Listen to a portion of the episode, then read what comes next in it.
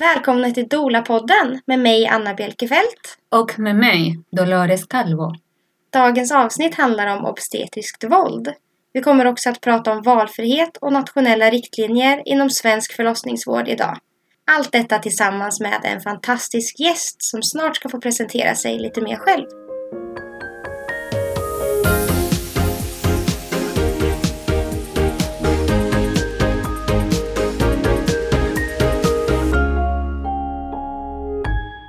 Vår gäst idag är en födelseaktivist. Hon är bland annat författare av boken Natural Birth, A Holistic Guide to Pregnancy, Childbirth and Breastfeeding. Kristina Törner, välkommen till oss! Tack! Tack för privilegiet att vara med. Välkommen! Vi börjar med att fråga, vem är du? Berätta! Ja, jag heter ju Kristina och är född 1965 så jag har levt några år och varit med om tre födslar själv. Och som du sa så skrev jag boken Natural Birth efter de här tre födslarna då. Så det, kom att definiera mig mycket som ehm, kvinna och ledde fram till födelseaktivism helt enkelt. Att se om och om igen hur mycket det är som är upp och ner i hur kvinnor behandlas just när de föder och hur deras starkaste kraftkälla förtrycks om och om igen i olika sammanhang. Så det är väl um, centrum av min, mitt hjärta, det som jag brinner för, mina hjärtefrågor. Det är, jag försörjer mig på översättning åt finansmarknaderna så det är en helt annan sida av, av vem jag är. Men det ger mig också friheten att kunna följa min passion och mina insikter ganska fritt. Jag blir inte begränsad för jag behöver inte förhålla mig till någon professionell roll inom födandet. Och um, eftersom jag är bosatt i England också så kan det ibland vara lite lättare att ha ett övergripande perspektiv på hur det ser ut i Sverige. Så du bor i England nu men eh, just du det. bodde här förut? Ja, just det. Ja, jo, jag har bott mellan England och Sverige hela mitt liv, ungefär lika länge på båda ställena. Okay. Fram och tillbaks, pluggat där och bott här. Fött mina barn i Sverige. Jag födde mina barn i Sverige. Okay. Det gjorde jag. Och eh, 2016 så Eh, ledde jag ockupationen av BB Sofia. Därför att det blev liksom kulmen på det som höll på att ske i Sverige. Den här totala nedmonteringen av alla valmöjligheter och evidensbaserad vård för friska födande.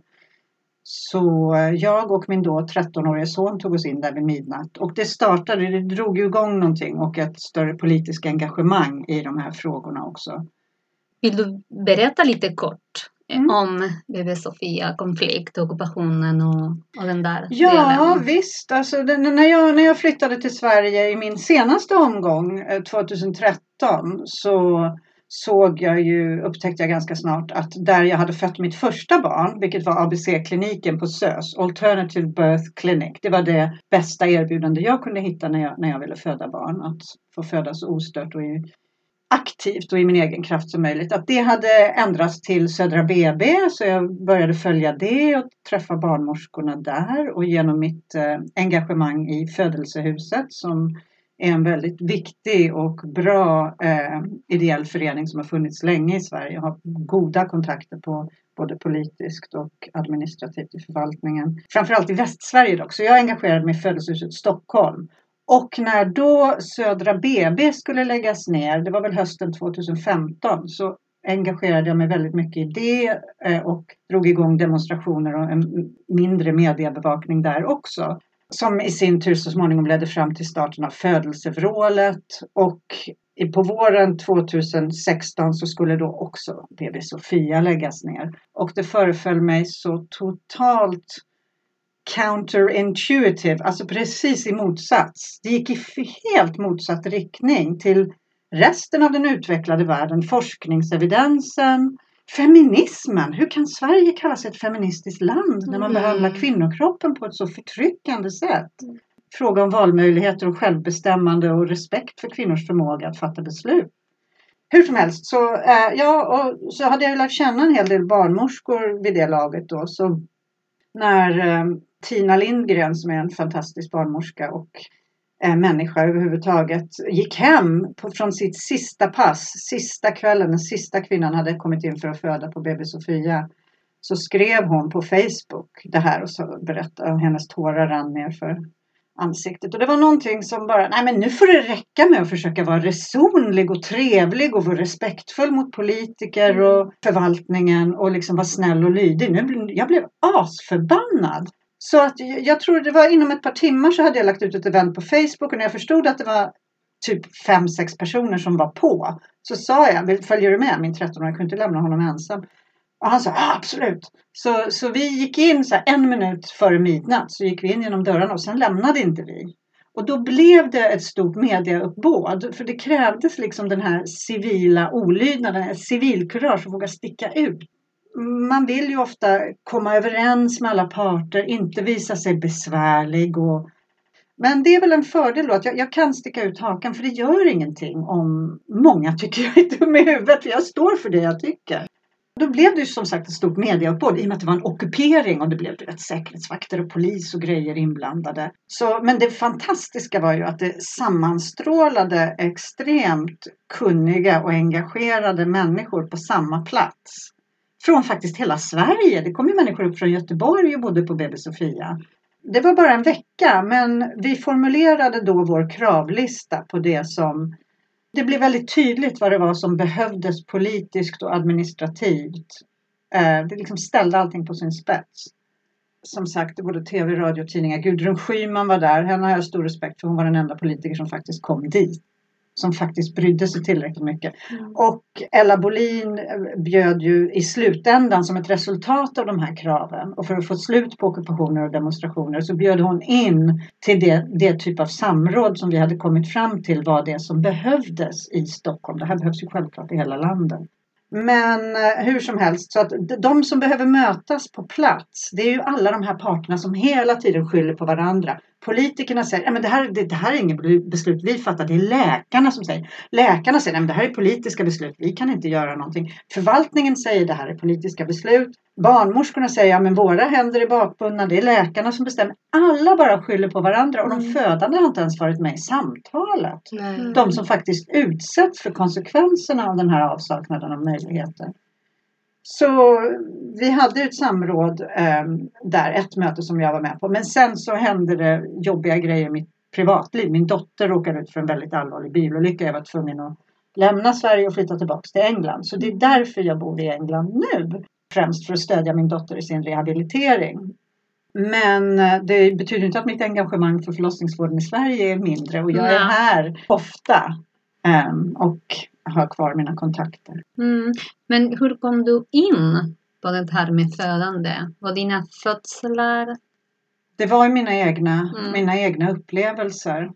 De formades av den spirituella tradition som är min rotlära kallar jag den för. För det är all- de som hittar någon slags väg som kan stödja det som går lite bortom det materiella, mer bortom det materiella följer ofta många spår allt eftersom de dyker upp. Men man har ändå en rotlära, någonting som visar den vägen in.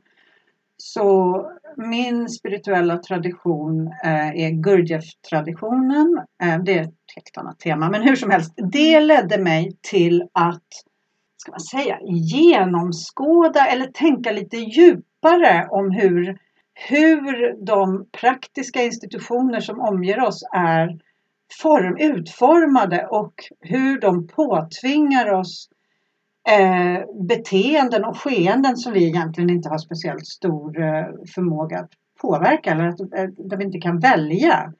Så jag, jag, jag, kan, jag kan väl säga att det egentligen ledde mig fram till att förlita mig mer och mer på min egen intelligens, instinkt, förståelse. Att om och om landa i min egen kropp. Ja, ah, men vad tycker jag egentligen? Oavsett vad barnmorskor, läkare och så vidare säger. Och läsa på. Jag älskar att läsa och studera. Så det, den biten är liksom inget, inget problem. Men ja, så det var det som ledde mig fram till då att eh, ifrågasätta det här med att jag skulle in på en stor förlossningsavdelning och alla de här olika apparaterna och slangarna. Det, det kändes inte rätt när jag var på, det var väl Nacka BB det hette då som eh, jag tittade på. Men hur som helst så hittade jag då ABC-kliniken och började läsa på Janet Balaskas Active Birth, Ina May Gaskin. Alla som fanns då på 90-talet som jag kunde hitta läste jag så mycket jag kunde. Och eh, köpte att ah, men det här kommer bli jobbigt. Men så länge jag är frisk och aktiv i min delaktighet i födandet så jag vill ha den här erfarenheten. Jag vill inte ta bort erfarenheten. Jag vill äga min upplevelse. Jag vill vara där. Och varför tror du det är så svårt? Man eh, bemöts av motstånd. Ja, men det är ju de här goda institutionerna. Och det var väl därför det behövdes liksom ett spirituellt perspektiv för mig att, att, att se igenom det där klart och tydligt. För jag födde då mitt, mitt, mina, mina två andra barn födde jag hemma. För jag såg att det skulle bli ännu bättre om jag fick vara helt ostörd. Och inte det skulle vara skiftbyte med barnmorskor och så. Men det som gör det så svårt det är ju den här auktoritetstilltron som, som vi uppfostras i. Liksom. Föräldrar, lärare, politiker, ledare, myndigheter. Och det fyller en jätteviktig funktion och det, det, alla behöver inte ifrågasätta det. Men om man är funtad på så sätt att man gärna vill ha autonomi över det som sker en i livet så börjar man nog ifrågasätta de här, en del av de här auktoriteterna i alla fall. De flesta ungdomar gör ju det i tonåren. De ifrågasätter, ifrågasätter auktoriteter och det är ju sunt. Men jag tror också två saker. I Sverige så är andlighet, spiritualitet och även i födandet någonting som betraktas med ganska stor misstro. Det, var- ja, själ, kropp och själ, ja men det kan man kanske prata om. Men mer än så, då blir det liksom flum och hokus pokus. Mm. Men det kvarstår ett faktum att födandet är en enormt dju- djupdykande process in i hela varandets mysterium. Det växer fram ett nytt liv i din kropp utifrån en process som inte du har någon medveten kontroll över alls. Och det här mötet mellan födande och död, den här farliga övergången, utmaningen som födandet innebär, är som en urgammal initieringsprocess. Så dels så är det det här motståndet mot att se födandet som någonting annat än bara ja, ja, det, jag får väl gå in på sjukhus och så hjälper de mig och så blir det bra. Och folk säger att det är jobbigt, men alla har gjort det i tusentals år. Så det blir, jag tycker liksom det där är ett förminskande av vidden Mm. vidden av det vi upplever i våra kroppar. Och, och jag tycker också det har att göra med kvinnoförtryck. Att det ska inte vara så märkvärdigt. Nej, men inte, inte, inte var väl det så speciellt. Inte är väl Mm. jag så märkvärdig. Varför skulle det vara så märkvärdigt? Eh, så att för mig hänger det ihop med, med en slags avsaknad av respekt för djupare spiritualitet, patriarkaliska strukturer som förtrycker kvinnor än idag i stor utsträckning. Men sen, och sen också en väldig auktoritetstilltro som jag tycker är ganska unik för Sverige. Jag har inte upplevt det på samma sätt i England och USA och andra länder där jag, där jag har levt. Att man så totalt bara köper den information man får av myndigheter. Och det tycker jag är lite obehagligt ibland. Ja, Och det är ju hemskt tråkigt när det leder fram till svåra förlossningsskador, förlossningsdepressioner, traumatiska upplevelser i ett land som kallar sig feministiskt. Vi har pratat lite om eh, obstetriskt eh, våld. Och vi ville fråga dig. Ja, obstetriskt våld har uppmärksammats mer nu sista fem åren kanske internationellt. Det har ju funnits som fenomen väldigt länge. Jag skulle vilja säga sedan patriarkaliska strukturer tog över födandet någon gång på 1600-talet i Europa. Men det är först nu med feminismens framsteg och kvinnans återtagande av sin själsliga styrka också med det här gudinnans återkomst och return of the divine feminine, allt det här som man har börjat titta på det lite mer kritiskt och utifrån kvinnans perspektiv. Så istället för att se henne som ett som är i grunden defekt, som en, en defekt kropp som skapar farliga situationer och behöver räddas av en patriarkalisk institution som läkarvården och läkarkåren, förlossningsläkarkåren i stort fortfarande är. Även om det är väldigt många kvinnor som jobbar där så är det i grunden patriarkaliska, ett, ett patriarkaliskt förhållningssätt, synsätt på kvinnokroppen och eh, kvinnors autonomi. Så obstetriskt våld har som sagt uppmärksammats mer och mer, främst i USA, nu också i England. Och det är helt enkelt allt som sker mot en födande kvinna som går emot hennes vilja kan man säga. Jag, jag satt och funderade lite på det här så jag har skrivit en definition på svenska så om det är Mm, okej vad så läser ja, jag gärna för, upp det. För, för det är faktiskt, eh, det finns inte på svenska. Nej. Min definition av obstetriskt våld är som följande. Obstetriskt våld utövas när sjukvårdspersonal medvetet eller omedvetet berövar en kvinna rätten att fatta egna beslut om sin kropp och sitt kön. Det sker genom avsaknad av information om ingrepp, interventioner eller behandling, bristfällig information om fördelar, nackdelar och alternativ till den föreslagna behandlingen, tvingande press med hänvisning till rutiner, praxis och auktoritet, risktänk som inte är evidensbaserat. Våldet tar sig formen av omänsklig behandling, kränkande medikalisering och patologiserande av kvinnans naturliga processer som innebär att hon förlorar sin autonomi och förmåga att fritt fatta egna beslut om sin kropp och sexualitet med negativa konsekvenser för hennes livskvalitet. Vill du ge lite exempel på vad obstetriskt våld kan vara? Ja, alltså det kan, om det rör sig om avsaknad av information så kan det ju vara så att någon kommer fram till dig och bara säger ja men nu sticker det till lite utan att förklara och för att man, är, man känner sig utsatt från början och kanske är lite i ett annat tillstånd när man håller på och föder så hänger man bara med i processen men det är faktiskt ett övergrepp. Det patientlagen säger att ditt tillstånd, ditt, god, ditt eh, godkännande ska inhämtas innan någonting görs på dig. Bristfällig information, det är ju till exempel att säga att om du ska bli igångsatt, ja men Cytotec som vi använder här, det skyndar på förloppet och gör att du öppnar dig snabbare. Det är bristfällig information för att du har inte informerat om fördelarna. För visst finns det fördelar och visst är det bra att kunna sätta igång en kvinna i vissa sammanhang. Men i de allra flesta sammanhang för friska kvinnor så finns det allvarliga nackdelar och direkt skadliga konsekvenser och detta ska kvinnan enligt lag informeras om och det sker inte i stort idag. Så det är bristfällig information och det här direkt, direkta citatet, liksom, Cytotec är jättebra. Det är helt oprofessionellt av eh, vårdpersonalen att uttrycka sig på det sättet. Mm. Det, det, står ju till och med på, liksom i paketeringen att vilka riskfaktorer som finns och när det är farligt att använda. Rent farligt att använda, skadligt. Tvingande press definierar jag som när man hänvisar till PM, sjukhusens PM. Så här gör vi alltid på den här avdelningen. Vi sätter igång alla som öppnar sig mindre än en centimeter i timmen. Så att man känner sig, men gud vad min kropp är dålig. Liksom, gud vad jag känner mig dum. Jag måste anpassa mig efter det här för att alla andra fixar ju det här. Och det kan också vara auktoritet, hänvisning till läkare. Liksom. Mm. Tyvärr så missbrukas det också än, i, i, idag, läkarauktoritet. Så att inte utsätta en kvinna för den tvingande pressen. Och så risktänk som inte är evidensbaserat utifrån det friska födandet. Här ligger egentligen pudelns kärna tycker jag. att Läkarvårdens risktänk, obstetrikens risktänk är helt korrekt i sjukdomsfall.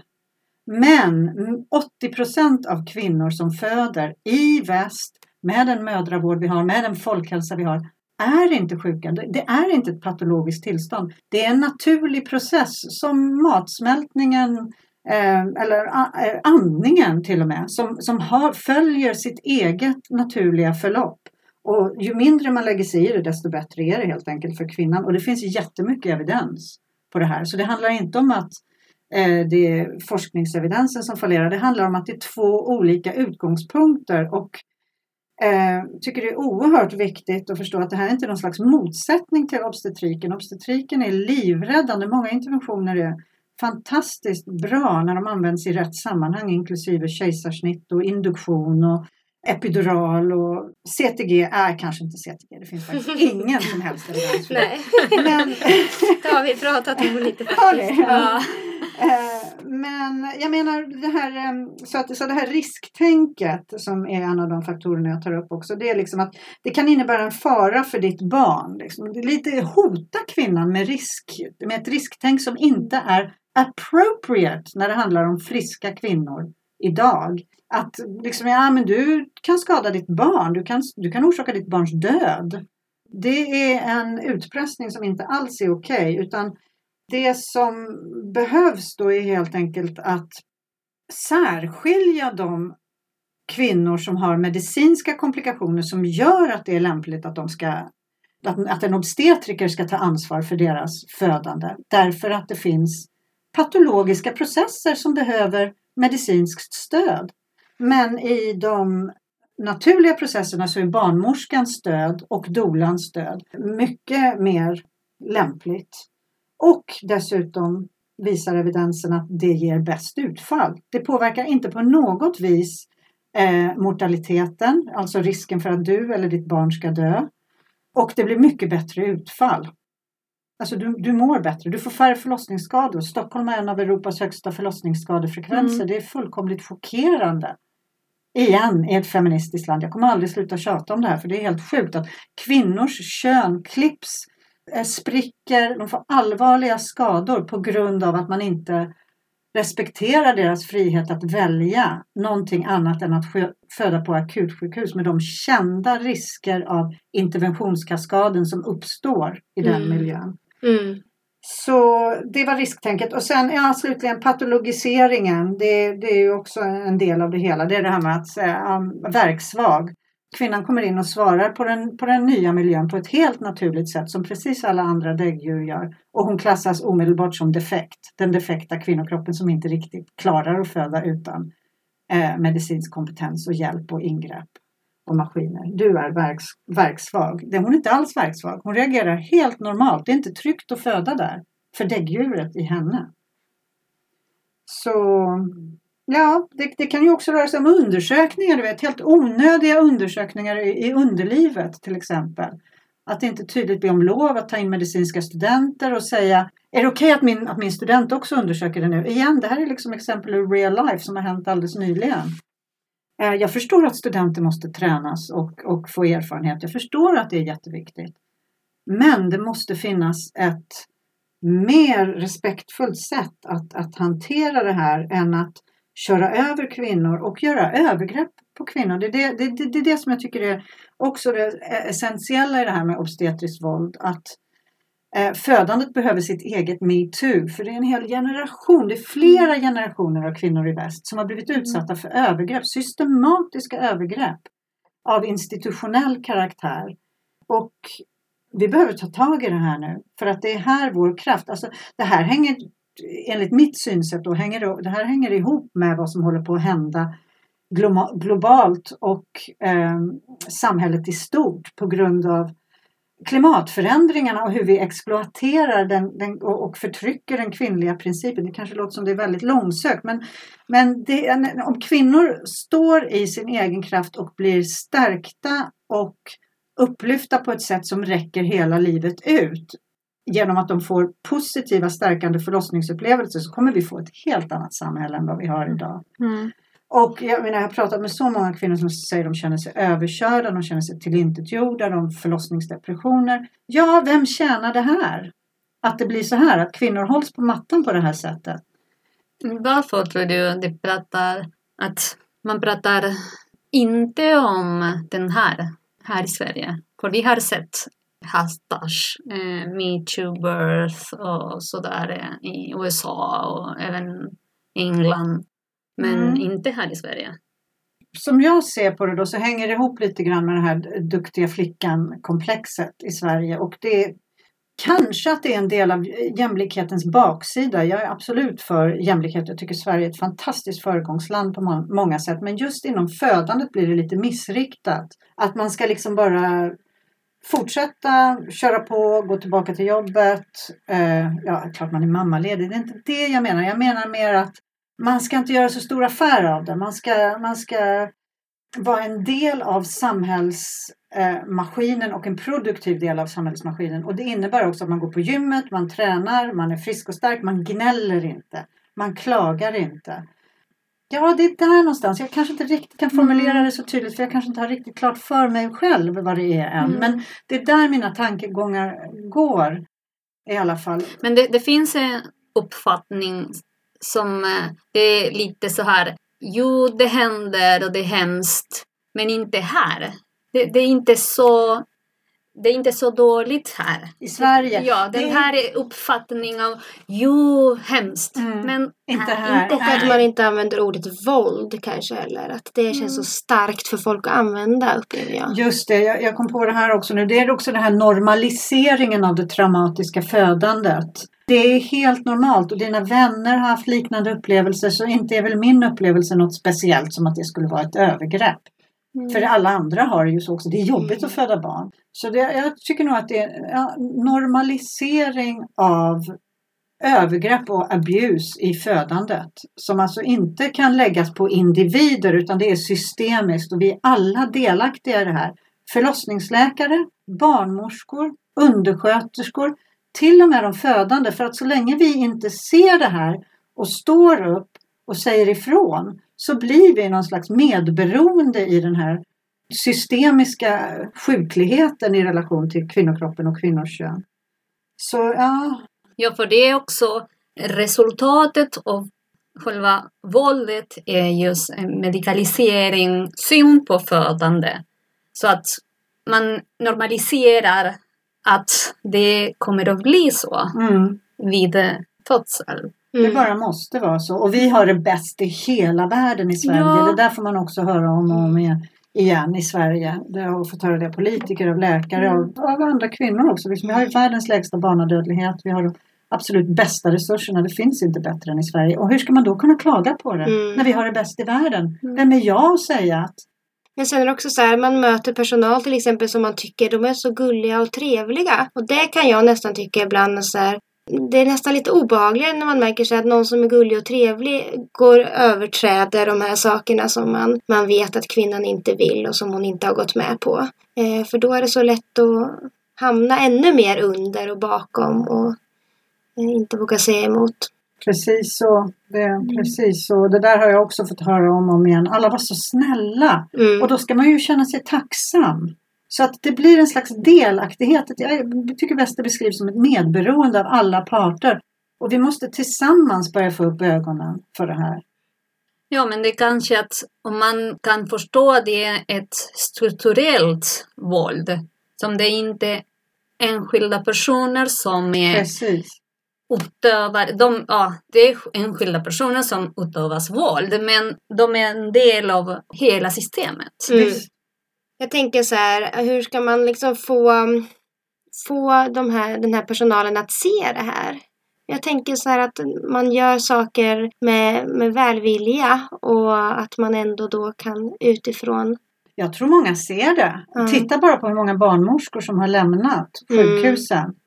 Och hur svårt det är att, få, att anställa tillräckligt många barnmorskor. Titta bara på efterfrågan av hemförlossningar i Stockholm. ja, Titta bara på hur många barnmorskor som vill arbeta med hemförlossningar i Stockholm. Båda de här trycks ner artificiellt. Locket läggs på artificiellt. Både hur många barnmorskor som får arbeta med det och hur många kvinnor som vill föda hemma. mm. För det finns inget mellanting. Det finns inga födelsekliniker, inga födelsehus. Det finns bara akutsjukhus eller föda hemma och då vill fler kvinnor föda hemma. Och då blir politiker och lä- läkare rädda för den här trenden och lägger locket på. Så att jag tror folk ser det. Men eh, tystas strukturellt eller bara lämnar förlossningsvården. Så barnmorskorna lämnar förlossningsvården. Och det här hänger ju också ihop med hela ersättningssystemet. Med de här poängen som förlossningsavdelningarna får för interventioner. Som gör att det är lönsamt med interventioner. Så du får budgeten, en förlossningsavdelnings budget är beroende av interventioner. Och det här är fullständigt korrumperande och direkt skadligt för att det leder fram till onödiga interventioner helt enkelt till kvinnor och leder till ökade förlossningsskador. Det tror jag inte det är så jättemånga som känner till att det är så. Nej, alltså det är så förlossningsavdelningarnas budgetar fungerar. Det är så de får in pengar, bland annat. Mm. Men så för ett kejsarsnitt så får man en viss ersättning, för en induktion, en igångsättning får man en viss ersättning. För epidural får man en viss ersättning, för snitt får man en viss, eller vad heter det, klipp, episiotomi och så vidare. Men vad är ersättningen för en kvinna som får en stärkande förlossning utan interventioner? Ja, alltså det, det, den möjligheten finns inte. Du kan inte föda på ett födelsehus med stöd av barnmorska. Det är en, an, en annan konsekvens av det här som jag, det, det här ansvaret lägger jag helt på politiker och förlossningsläkare, det är den här trenden med free birthing. Det går i en riktning som kommer att sluta med någon tragedi så småningom. Därför att det här, alltså jag, har en, en enorm respekt för de kvinnor som gör det här och det är, det är en viktig del i återtagandet av vår kraft, vår eh, eh inneboende visdom och vår självständighet. Men vi som samhälle är inte redo för det här. Bo... Pratar du om oassisterad hemförlossning? Ja, förlåt. förlåt. Mm. Ja, oassisterad hemförlossning, mm. just det. Därför att det är bara i Stockholm och i viss utsträckning i Umeå som du kan få barnmorska med dig när du vill föda hemma. Om du inte vill föda på, en, på ett akutsjukhus, av vilken anledning det än må vara. Så är det bara i Stockholm och Umeå som det är möjligt att föda med barnmorska och få det betalt. Så därför så går trenden mot ökade oassisterade hemförlossningar utanför sjukhus. Och vi som samhälle har inte de nätverken av kvinnor runt omkring oss. Vi har inte den förståelsen, de urgamla traditionerna. Vi har inte de triggers som gör att man förstår att nu behöver jag hjälp. Så att om, även om de kvinnor som har gjort det hittills har det gått bra för. Så det här, det här är jag personligen skulle alltid välja att föda med barnmorska för jag vill ha en klok, trygg kvinna i min närhet när jag föder. Som trenden ser ut idag så går det mot ökade oassisterade födslar och ökade förlossningsskador. Mm. Varför? Varför blundar man tror du för den här eh, forskningen som finns att det är tryggare att föda hemma? Det är en slags rivalitet mellan barnmorskor och läkare. Men det är kanske inte det huvudsakliga. Men det huvudsakliga är nog mer det här jag har liksom nämnt tidigare. Att det är två olika perspektiv. Läkarperspektivet är grundat i risker och att eliminera alla risker till varje pris. Barnmorsketänket är grundat i den kompetenta, friska biologiska processen som födandet utgör och att stödja kvinnan i att själv vara bästa behållare för den processen helt enkelt. Så det är två olika synsätt. Men det är klart att det också går prestige och budget i det. Om hela din karriär är uppbyggd på fin eh, mödra, eh, alltså att, att, låg mödradödlighet och barnadödlighet och fin statistik. Det är klart att status och prestige också spelar in. Vad, hur, hur, fina människor många förlossningsläkare än är så handlar det också om makt och pengar i slutändan. Och eh, barnmors eh, barnmorskeforskningen är också ett kvinnodominerat fält av forskning som obstetriken inte är och det här hänger också ihop med de patriarkaliska strukturerna så att barnmorskeforskningen tas inte, har inte samma pondus, samma vikt som obstetrisk forskning. Ja, så det är det som jag tror ligger i grunden. Maktfrågan.